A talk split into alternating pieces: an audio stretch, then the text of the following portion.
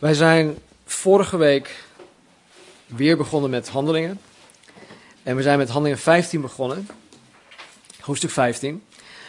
Waarin we, zei, waarin we zagen dat de gemeente in Antiochië dus enorm gezegend werd door God. Mensen kwamen tot geloof. De gave van profetie, de gave van onderwijs, onderwijs was daar sterk aanwezig.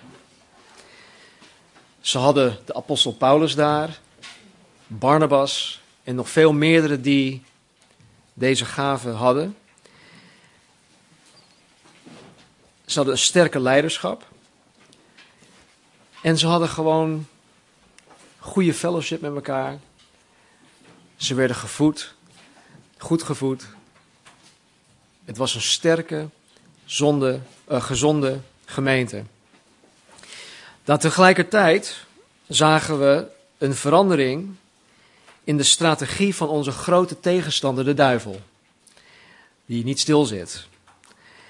En deze keer, in plaats dat hij de gemeente van buitenaf probeerde tegen te houden, werd de duivel als het ware lid van de gemeente. En hij gebruikte de zwakken in het geloof om van binnen in de gemeente Gods werk tegen te houden. Want er kwamen namelijk een aantal Judaïsten naar de gemeente in Antiochië. Judaïsten waren Joden die tot geloof zijn gekomen in, in Christus, maar die nog steeds, ja, die zich vastklampten aan hun Joodse tradities en die zich dus, uh, ja, die deze dingen probeerden op te leggen bij anderen. Dus deze kwamen in Antiochië en zij dreigden het evangelie te ontkrachten. Ze wilden bepaalde, bepaalde regels toevoegen aan het evangelie. Uh, ze brachten als het ware het evangelie plus. Het evangelie plus dit of plus dat. Waarvan Paulus in de gelaten brief zegt, het is helemaal geen evangelie wat zij brengen. Want het evangelie is goed nieuws. En om wederom onder allerlei, of om onder een juk van allerlei wetjes en regeltjes te komen, is voor niemand goed nieuws. Vandaar dat Paulus zegt, dat is geen evangelie. Dus er brak ruzie uit tussen de Judaïsten en Paulus en Barnabas. En er werd besloten om de zaak voor te leggen aan de apostelen en de oudsten in Jeruzalem. En ze gingen daar naartoe. Nou, eenmaal in Jeruzalem legden Paulus en Barnabas de situatie voor. En terwijl zij dit deden, was er ook ruzie ontstaan. Dus er was een en al ruzie hierover. Op een gegeven moment stond Petrus op en hij sprak onder de leiding van de Heilige Geest woorden van wijsheid, waardoor Paulus en Barnabas hun verhaal konden afmaken. En dan staat er in vers 12, hoofdstuk 15, vers 12. En heel de menigte zweeg, en zij hoorden Barnabas en Paulus vertellen wat voor grote tekenen en wonderen God door hen onder de heidenen gedaan had. Nou, vanmorgen pakken we het op bij vers 13. En we zullen zien dat niet onze grote tegenstander, de duivel, maar onze grote overwinnaar, Jezus Christus, zal zegevieren. En dat de vrijheid die Hij ons biedt, die ons geeft, stand zal houden of hield in de gemeente in Antiochië, maar ook vandaag de dag in onze gemeente. Dus laten we lezen vanaf vers 13, hoofdstuk 15. En toen deze zwegen, dat is dus Paulus en Barnabas, toen ze uitgepraat waren, waren antwoordde Jacobus, mannenbroeders, luister naar mij. Simon heeft verteld hoe God voorheen naar de heidenen omgezien heeft, om voor zijn naam uit hen een volk aan te nemen. En hiermee stemmen de woorden van de profeten overeen, zoals geschreven staat. Hierna zal ik terugkeren en de tabernakel van David, die vervallen is, weer opbouwen. En wat daarvan afgebroken is, weer opbouwen en ik zal die weer oprichten, opdat de mensen die overgebleven zijn, de Heere zouden zoeken, en alle heidenen over wie mijn naam uitgeroepen is, spreekt de Heere, die dit alles doet. Aan God zijn al zijn werken van eeuwigheid bekend. Daarom ben ik van oordeel, zegt Jacobus, dat men het hun, die, die zich uit de heidenen tot God bekeren, niet lastig moeten maken. Maar aan hen moet schrijven dat zij zich dienen te onthouden van de dingen die door de afgoden besmet zijn van hoererij, van het verstikte en van bloed. Want Mozes heeft van oude tijden af in elke stad mensen die hem prediken. Want hij wordt elke sabbat in de synagoge voorgelezen. Toen dacht het de apostelen en de ouderlingen met heel de gemeente goed enige mannen uit hun midden te kiezen en met Paulus en Barnabas mee te sturen naar Antiochië. Judas, die ook de naam Barsabbas draagt, en Silas, leidinggevende mannen onder de broeders. Ze gaven hun dit schrijven in handen. Oh, ze gaven hun dit schrijven in handen. De apostelen, de ouderlingen en de broeders groeten de broeders uit de heidenen die in Antiochië, Syrië en Cilicië zijn. We hebben gehoord dat sommigen die bij ons vandaan gekomen zijn, u met woorden verontrust hebben en uw zielen aan het wankelen gebracht hebben, door te zeggen dat u besneden moet worden en de wet moet onderhouden. Wij hadden hun daar geen opdracht toe gegeven. Daarom heeft het ons, nadat wij, eens, nadat wij het eens zijn geworden, goed gedacht enige mannen te kiezen en naar u toe te sturen met onze geliefde Barnabas en Paulus. Paulus. Mensen die hun leven over hebben voor de naam van onze Heer Jezus Christus. Daarom hebben wij Judas en Silas gestuurd, die hetzelfde ook mondeling zullen meedelen. Want het heeft de Heilige Geest en ons goed gedacht u verder geen last op te leggen dan deze noodzakelijke dingen. Namelijk dat u zich onthoudt van wat aan de goden of afgoden geofferd is. En van bloed, en van het verstikte, en van hoererij. Wanneer u zich ver van deze dingen houdt, zult u juist handelen. Vaarwel. Toen men afscheid van hen genomen had, gingen ze naar Antiochië en na de menigte bijeengeroepen te hebben, overhandigde zij de brief. En toen zij de die gelezen hadden, verblijden zij zich over de eh, bemoediging. Over de bemoediging. Punt. Judas nu en Silas, die ook zelf profeten waren, bemoedigden de broeders met veel woorden en sterkte hen. En nadat zij daar een tijd gebleven waren, lieten de broeders hen met vrede teruggaan naar de apostelen. Maar het dacht Silas goed daar te blijven. En Paulus en Barnabas verbleven in Antiochië en zij onderwezen en verkondigden met nog veel anderen het woord van de Heer. Tot zover. Vader, ik dank u wel voor uw woord. Heer, help me om uw woord, Heer, goed, duidelijk, helder, begrijpelijk over te brengen. En Heer, help in ieder van ons om ons ogen te openen, ons harten, ons verstand, Heer, dat we het kunnen begrijpen. Heer, want uiteindelijk is het uw Heilige Geest die dat in ons bewerkstelligt. Help ons daarbij. Amen. In vers 13, ga even terug, staat er, en toen deze, dus Paulus en Barnabas, uitgepraat waren, antwoordde Jacobus, mannenbroeders, luister naar mij. Nou, deze Jacobus is de halfbroer van Jezus. De halfbroer van Jezus. Jacobus en Jezus hadden Maria als moeder. Jacobus had Jozef als vader. Maar Jezus werd natuurlijk verwekt door de Heilige Geest. Dus twee andere vaders, dezelfde moeder. Halfbroers dus. Deze Jacobus geloofde in eerste instantie niet. Hij geloofde niet dat Jezus de Messias is. Het was pas na de opstanding van Jezus dat hij tot geloof was gekomen. En uiteindelijk werd Jacobus de leider, of wel misschien de senior pastor van de gemeente in Jeruzalem. En hij is ook de schrijver van het Bijbelboek Jacobus. En hij zegt: Mannenbroeders, luister naar mij. Simon, of Petrus, heeft verteld hoe God voorheen naar de heidenen omgezien heeft om voor zijn naam uit hen een volk aan te nemen. Nou, Jacobus bevestigt door wat hij hier zegt het verhaal van Petrus.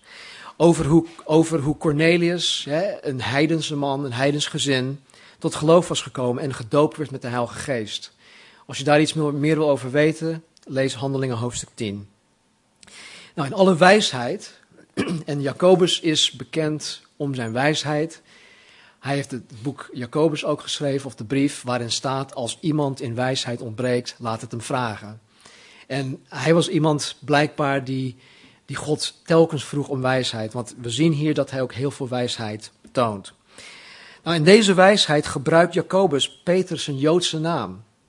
Hij zegt Simon, hè, of Simeon, omdat het een Joodse kwestie betreft en hij spreekt voornamelijk de Joden aan. En we zien dus dat Jacobus erg gevoelig is voor zijn toehoorders. En dat horen wij ook te zijn. Wanneer we met mensen spreken over God, over Jezus, over de Bijbel, horen wij ook gevoelig te zijn voor wie, of eh, ja, onze toehoorders. Nou, en dan zegt hij iets dat, dat revolutionair is in zijn tijd. Hij zegt, Petrus vertelde hoe God voorheen naar de heidenen omgezien heeft om voor zijn naam uit hen een volk aan te nemen. Nou, je zou er heel gauw overheen kunnen lezen, vooral in de Nederlandse of Engelse taal.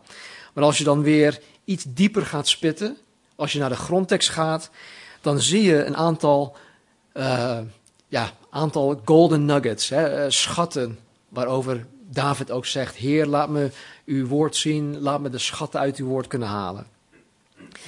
Nou, het woord heiden, zoals het hier gebruikt wordt, komt van het Grieks woord ethnos, waar wij ook etnisch, etniciteit en, en die woorden van krijgen. Dus het woord heiden komt van het woord ethnos en dit betekent simpelweg volk.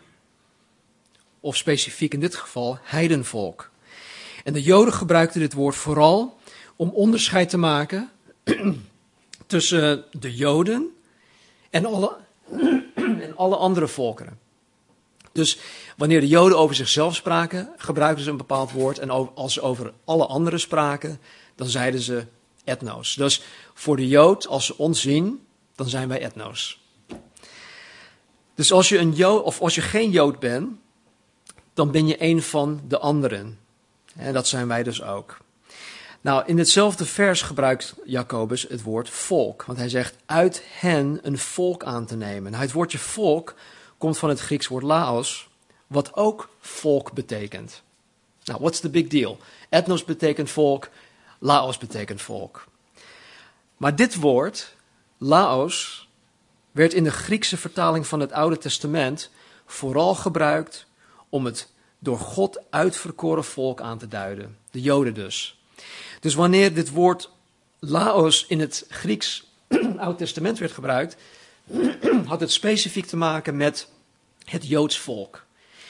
En in het denken van de Joden staan de woorden etnos en laos dus in tegenstelling tot elkaar. In de beleving van de Joden zijn deze twee dingen geheel anders. Etnos en laos zijn niet met elkaar uh, overeen te krijgen. Nee, absoluut niet.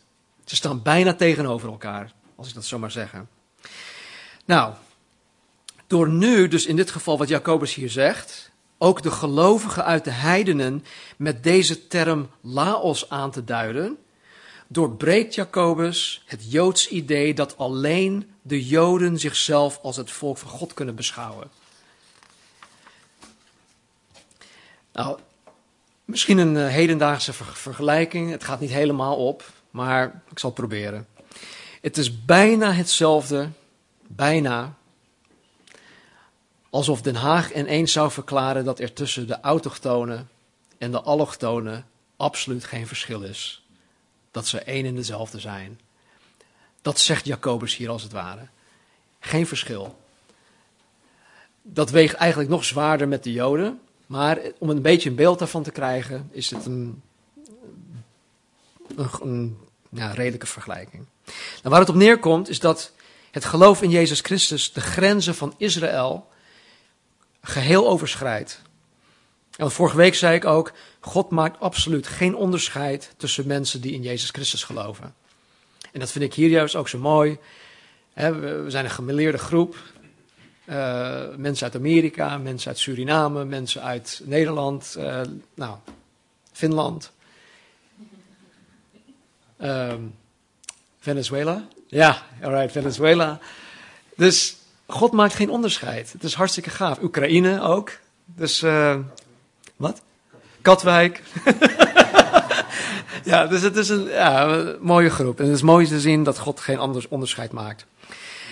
Nou, hoe vanzelfsprekend dit voor ons ook kan zijn, hè, dat God geen onderscheid maakt, was dit voor de Joden, van die tijd vooral, onvoorstelbaar. Dat, hij, dat God de Joden en de heidenen tot één volk zou gaan maken. Nou, vers 15.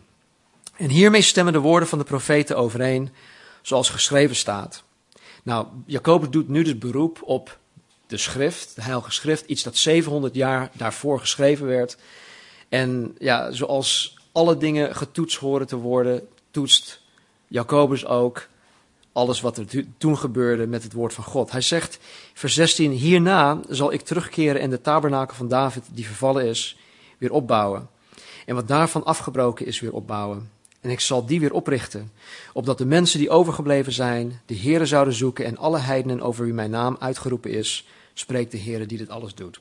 Nou, heel, heel mondvol. Ik ga er niet te diep op in, op deze profetie, maar ik wil wel zeggen dat, um, dat de reden waarom hij dit aanhaalt, is omdat hij wil, hij wil onderbouwen dat God inderdaad de heidenen ook tot het Laos-volk wil brengen.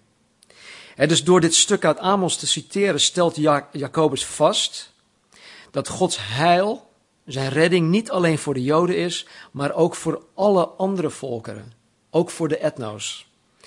Nou, het Jodendom die in die tijd was als het ware afgebroken. Het was komen te vervallen. Waarom? Omdat zij hun Messias niet hadden aangenomen. Ze hebben Jezus Christus afgewezen.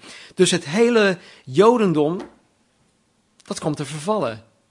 Zelfs vandaag de dag, als een Jood hun Messias niet aanneemt, is het waardeloos. En dat was toen ook al. En God profeteerde daarover 700 jaar daarvoor al. Nou, nu wil God zijn werk herbouwen. Dat staat hier in de profetie dat, dat vervallen is, wil ik weer opbouwen. Wat afgebroken is, wil ik, wil ik weer opbouwen. Nou, God wil zijn werk herbouwen. En dat heeft hij gedaan met de geboorte van de gemeente. En dat doet hij nog steeds. En hij doet het niet door middel van de wet van Mozes, niet door Joodse rituelen, maar hij doet het door ons, door de gemeente, die bestaat uit zowel Laos als Etnos. En met de woorden en alle heidenen over wie mijn naam uitgeroepen is, zegt God, dat zij ook heidenen mogen blijven. Zij mogen heidenen blijven. Nou, het is voor deze heidenen die in Jezus geloven dus niet noodzakelijk dat ze eerst Jood worden. We hadden het daar vorige week al over. Ze hoeven zich niet te laten besnijden om christen te worden. Dat ze eerst Jood moesten worden. Dus het was voor hun geweldig nieuws. En voor de, Joods, voor de Joden van die tijd was dit baanbrekend. In vers 18 staat er: Aan God zijn al zijn werken van eeuwigheid bekend. En hiermee zegt Jacobus dat God van, vanaf het begin al wist, voordat, zelfs voordat hij het volk van Israël had uitverkoren, van plan was om ook de heidenen te redden. Nou, dan gaat hij verder, vers 19. Daarom ben ik, zegt Jacobus, van oordeel dat men het hun die zich uit de heidenen tot God bekeren niet lastig moet maken. Maar aan hen moet schrijven dat zij zich dienen te onthouden van de dingen die door de afgoden besmet zijn, van hoererij, van het verstikte en van bloed. Nou, alle die daar ruzie maakten, hadden hun standpunten gebaseerd op eigen meningen, hun eigen opvattingen, hun eigen belangen. En dat was veelal wegens onwetendheid. Maar Jacobus, als leider van deze gemeente, gaf hier het beslissend oordeel. Iedereen kwam met hun verhaal. En dan eens staat Jacobus op als senior pastor. Hij zegt: Nee, jongens, zo zal het zijn. Ik oordeel, mijn beslissing. En met zijn oordeel zegt Jacobus dat Petrus, Paulus en Barnabas gelijk hebben. En dat de Judaïsten ernaast zitten. Nou, het oordeel was dat zij het de gelovige heidenen niet lastig moesten maken en om, en om hun met rust te laten, maar hun wel een aantal gedragsregels moesten geven. En Jacobus noemt hier dan vier specifieke dingen waarvan de heidense christenen, of waaraan de heidense christenen zich moesten houden. Nou, eerste is dingen die door afgoden besmet zijn. Nou, het gaat hier om het eten van vlees die geofferd werd aan de afgoden van die tijd. In de praktijk werd slechts hè, van een groot dier werd slechts een klein gedeelte echt geofferd aan uh, de afgod. En de rest werd verkocht op de markt of uh, bij een slagerij uh, en dergelijke. En dat vlees mochten de Joden dus absoluut niet eten. Als iemand dit vlees zou eten, betekende het voor de Joden, niet voor de heiden, maar voor de Joden betekende het dat ze gemeenschap met deze afgod zou hebben gehad en dat ze dus uh, moreel bezoedeld zou raken door deze uh, gemeenschap met de afgod. Dat is één. Het tweede is hoererij. Nou, de hoererij is, vind ik, een hele ja, beroerde uh, vertaling van het woord. Want het komt van het woord pornea. En dat is veel breder dan ja, hoe ik hoererij zie. Pornea, daar, daar komt het woord pornografie vandaan. En het betekent eigenlijk uh, alles of alle vormen van seks buiten het huwelijk. En dit wordt over het algemeen bedoeld met hoererij. Alle vormen van seks buiten het huwelijk. En de Bijbel leert ons dat alle christenen zich daarvan horen te onthouden. Maar in dit geval, het heel specifiek geval, gaat het om huwelijken. Het gaat om huwelijken, ofwel seks binnen het huwelijk met bloedverwanten. He, dus met je neefje of met je nichtje, of met achterneven of achternichten. Ik weet niet precies hoe ver dat ging, of het ook met broer-zus ging of, of dergelijke, maar het was voor de heiden de normaalste zaak van de wereld om met neefje, nichtje, misschien ook ooms en tantes uh, te trouwen en dergelijke. Maar voor God, voor de Jood, was dat een gruweldaad. Uh, derde is het verstikte en bloed. Die twee gaan eigenlijk samen. Nou, jullie weten dat de Joden zich hielden aan strenge voedselvoorschriften. En ja, die, die voedselvoorschriften, ze mochten bepaalde dingen niet eten of ze, mo ze mogen bepaalde dingen niet eten. Tegenwoordig uh, eten ze kosher. En ze eten nog steeds kosher. En dit betekent dat het dier waarvan het vlees komt of afkomt, onder toezicht van een rabbijn geslacht moest worden. Geslacht en voorbereid. En een van de voorwaarden voor kosher vlees was dat het dier gedood werd door het dier met een mes te slachten, zodanig te slachten door het slagader, waardoor het bloed eruit kon vloeien. Waardoor het dier als het ware leeg kon lopen van bloed, dat er geen bloed meer in zat. Want de Jood mocht bloed niet eten, want in het bloed is het leven. Nou, al deze voorschriften, voor degenen die notities maken, al deze voorschriften staan in Leviticus 17 en 18. Nou, Jacobus geeft deze voorschriften en dan geeft hij in vers 21 de reden waarom. Hij zegt, want Mozes heeft van oude tijden af in elke stad mensen die hem prediken. Want hij, Mozes, wordt elke sabbat in de synagoge voorgelezen. Nou, in die tijd was de gemeente van Jezus Christus nog steeds overwegend Joods. En in elke plaats waar een synagoge stond, werden deze regels en voorschriften voorgelezen. Zelfs al, al, al, al waren het Joodse christenen. En alhoewel deze Joden in Christus geloofden als hun Messias, hielden de meeste van hen zich nog steeds aan alle riten en voedselvoorschriften die in de wet van Mozes staan. Dus wat Jacobus de heidense christenen duidelijk wil maken, is dat alhoewel zij in Christus vrij zijn van al deze dingen, dat ze rekening moesten houden met de Joodse christenen die zich nog wel aan deze voorschriften hielden. Zij hoorden hun Joodse broeders en zusters dus niet onnodig te irriteren, of op te hitsen of wel aanstoot te geven. Want dat deden ze daarmee. Ze waren dus niet gebonden aan de wet van Mozes, maar ze waren wel gebonden aan de wet van liefde. En de wet van liefde leerde hen dat alhoewel zij het recht hadden om geofferd vlees te eten, om met bloedverwanten te trouwen, vlees te eten die niet volgens de voedselvoorschriften geslacht en voorbereid werden, eh, ondanks dat ze het recht daarop hadden, werden zij door Jacobus aangespoord om hun rechten neer te leggen en zo hun liefde voor hun Joodse broeders en zusters te tonen. Nou, de apostel Paulus gaat hier veel dieper op in. En nogmaals, voor degenen die notities maken, lees deze uh, gedeelte, Romeinen 14, 13 tot en met 23. 1 Korinthe 8, 4 tot 13. En 1 Korinthe 10, 14 tot 33. Nou, waar het op neerkomt, is dit. Ik hoef me niet per se te houden aan wat Jacobus hier voorschrijft. Deze vier gedragsregels zijn niet de nieuw-testamentische tegenhanger van de wet van Mozes. Ik ben vrij om vlees te eten die aan afgoden geofferd is. Ik ben vrij om met een nicht of een achternicht of met een tante te trouwen als ik dat maar wil, mits de lokale wetgeving dat toestaat. Ik ben vrij om vlees te eten van een dier die gedood is door verstikking, waarin het bloed nog zit. Daar ben ik, ik, ik ben vrij om deze dingen te doen.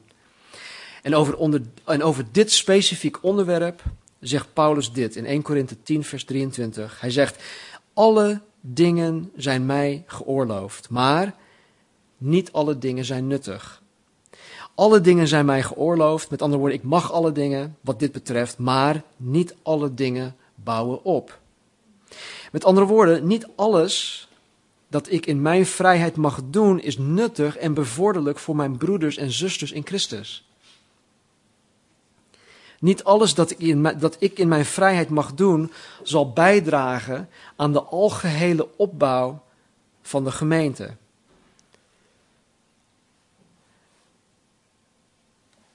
Waar het voor mij op neerkomt, voor ons denk ik ook, is dit. Mijn vrijheid in Christus mag nooit, nooit, nooit aanstoot geven. Het mag nooit een ander belemmeren om dichter tot Jezus te komen.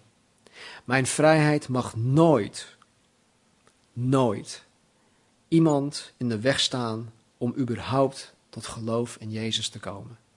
Dat is de wet van liefde. Pak hem op bij vers 32, of sorry, 22.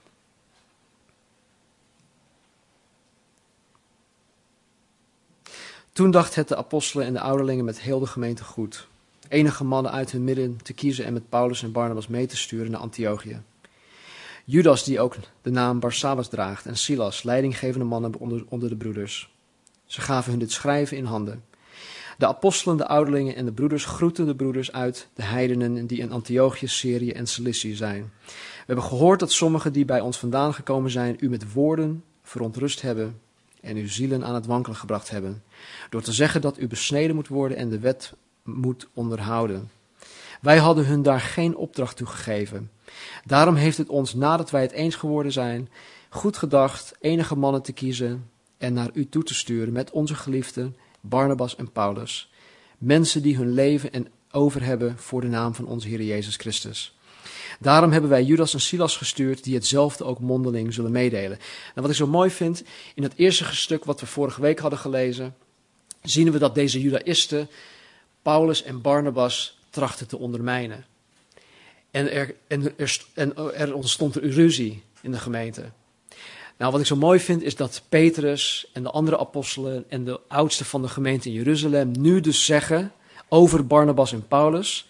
Hij zegt, daarom heeft het ons, nadat wij het eens geworden waren, goed gedacht enige mannen te kiezen naar u toe te sturen met onze geliefde Barnabas en Paulus, mensen die hun leven over hebben voor de naam van onze Heer Jezus. Daarom hebben we ook Judas en Silas gestuurd, die hetzelfde ook mondelingen meedelen. Dus zij bekrachtigen weer het feit dat Barnabas en Paulus gewoon helemaal zuiver zijn. En dat ze, hun, uh, dat ze deze twee niet in twijfel moeten trekken. Want het heeft de Heilige Geest en ons goed gedacht u verder geen last op te leggen dan deze noodzakelijke dingen. Namelijk dat u zich onthoudt van aan de afgoden geofferd is, aan van bloed, of van bloed en van het verstikte en van hoererij Wanneer u zich ver van deze dingen houdt, zult u juist handelen. Vaarwel. En toen men afscheid van hen genomen had, gingen zij naar Antiochië. En na de menigte bijeengeroepen te hebben, overhandigden zij de brief. En toen zij die gelezen hadden, verblijden zij zich over de bemoediging. Judas nu en Silas, die ook zelf profeten waren, bemoedigden de broeders met veel woorden en sterkten hen. En nadat zij daar een tijd gebleven waren, lieten, lieten de broeders hen met vrede terugkeren naar de apostelen. Maar Silas dacht het goed om daar te blijven. En Paulus en Barnabas verbleven in Antiochië en ze onderwezen en verkondigden met nog veel anderen het woord van de Heer. Laten we bidden. Vader, dank u wel. Dank u wel, Heer, voor de vrijheid die wij hebben in Jezus. Heer, ik denk dat wij nog niet geheel begrijpen hoe vrij wij eigenlijk zijn. Want Heer, het is, het is zo makkelijk om in gebondenheid te leven. En Heer, u bent gekomen om ons vrij te maken van enige gebondenheid, van alle gebondenheid. En zo Heer, dank ik u dat uw volmaakt werk op Golgotha ons, ons vrijgemaakt heeft. En dat u, dat u ons op dit moment zelfs ook vrijpleit. Al klaagt de Satan ons aan, Heer, u pleit ons vrij. En Heer, ik dank u voor uw woord, die ons vanmorgen ook vrijgemaakt heeft van misvattingen over deze voorschriften. Heer, dat we vanmorgen ook helderheid hebben gekregen. Dank u wel, Vader. Help ons om onszelf, om onszelf ook te onderzoeken, om te bepalen waarin wij misschien anderen belemmeren in hun geloof. Waarin wij anderen belemmeren om dichter naar Jezus Christus toe te groeien. Help ons om onszelf ook te onderzoeken waarin wij misschien mensen belemmeren om tot geloof in Jezus te komen. En Heer, waar wij ja, misschien ook mensen tot een aanstoot zijn. Heer, breng deze dingen tot onze gedachten. Open onze ogen hiervoor. Heer, want u wil ons gebruiken als instrumenten in uw handen, Heer, om mensen tot u toe te brengen. Om mensen aan u voor te stellen. Om u aan mensen voor te stellen. En Heer, als wij dingen doen die mensen belemmeren, Heer, dan, dan werkt het uw werk tegen. En zo, Heer, we willen ons helemaal aan u geven. We willen ons ook vrij aan u opstellen. We willen ons ook overgeven, Heer, aan uw heerschappij. Heer, dat we getuigen mogen zijn. En dat we ook echt, waar we ook komen, Heer, de, de geur van Jezus Christus mogen verspreiden. Dank u wel, Heer, zegenen ieder. En laat uw woord niet ledig tot u terugkeren, maar Heer, kom tot uw doel. En help ons, Heer, om u te begrijpen, u te snappen. Help ons om u te zien voor wie u bent. In Jezus' naam. Amen. Amen.